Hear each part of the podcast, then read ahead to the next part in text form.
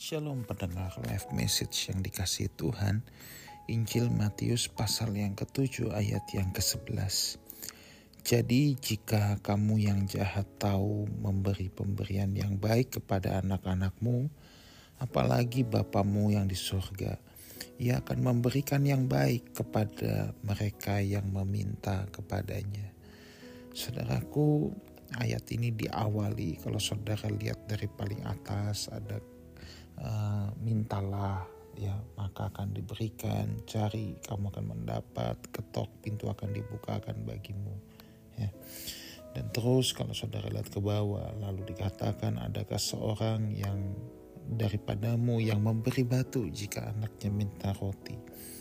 Atau memberi ular jika anaknya minta ikan? Nah barulah muncul ayat yang tadi kita baca ayat yang ke-11 bahwa kalau kamu saja tahu memberikan pemberian yang baik kepada anak-anakmu apalagi Bapamu di surga. Saudara tetapi dalam realita hidup kita sering kali kita menjumpai bahwa kok doa saya nggak dijawab. Bukankah ayat ini dikatakan orang yang minta mendapat ya. Orang yang ketok pintu akan dibukakan ya.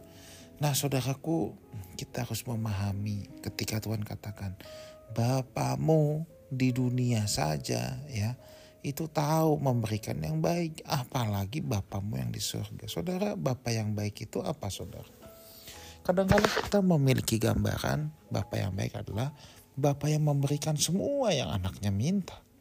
Saudara itu bukan Bapak yang baik, itu Bapak yang sembrono saudaranya. Itu namanya Bapak yang sembrono. Tidak semua hal yang anak minta Bapak harus berikan. Sebab Bapak yang baik akan melihat dulu permintaannya seperti apa. Apakah permintaan tersebut justru membahayakan anaknya kalau itu diberikan?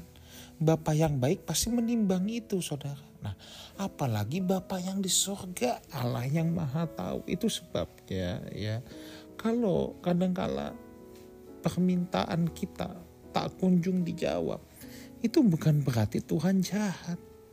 Tuhan lebih tahu saudara Tuhan lebih tahu apa akan apa yang terjadi di depan. Kadang-kadang Tuhan melihat ini membahayakan kamu, nak. Kalau hal tersebut membahayakan, ya Tuhan tidak kasih, saudara. Sebab Tuhan tahu itu mencelakakan. Jadi bukan Tuhan jahat. Justru karena Tuhan sayang. Makanya Tuhan tidak kasih. Saudara, mata manusia itu bisa melihat sejauh apa sih? Sekalipun saudara mungkin bilang, aku punya mata yang sehat, nggak perlu pakai kacamata. Oke, sejauh apa kita bisa memandang? Tetapi yang namanya Bapa di sorga, pengetahuan dia menembus waktu saudara. Dia tahu dia punya rancangan yang terbaik. Maka tugas kita adalah bukan bersungut-sungut. Tetapi sebenarnya dalam hal ini tugas kita adalah mempercayai Tuhan belajar mempercayai Tuhan. Mungkin yang kita minta tidak kunjung dijawab. Mungkin yang kita minta tidak kunjung Tuhan berikan.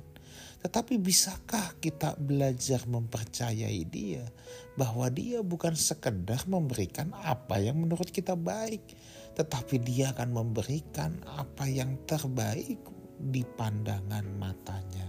Ya. Jadi itulah Tuhan sebagai Bapa yang baik.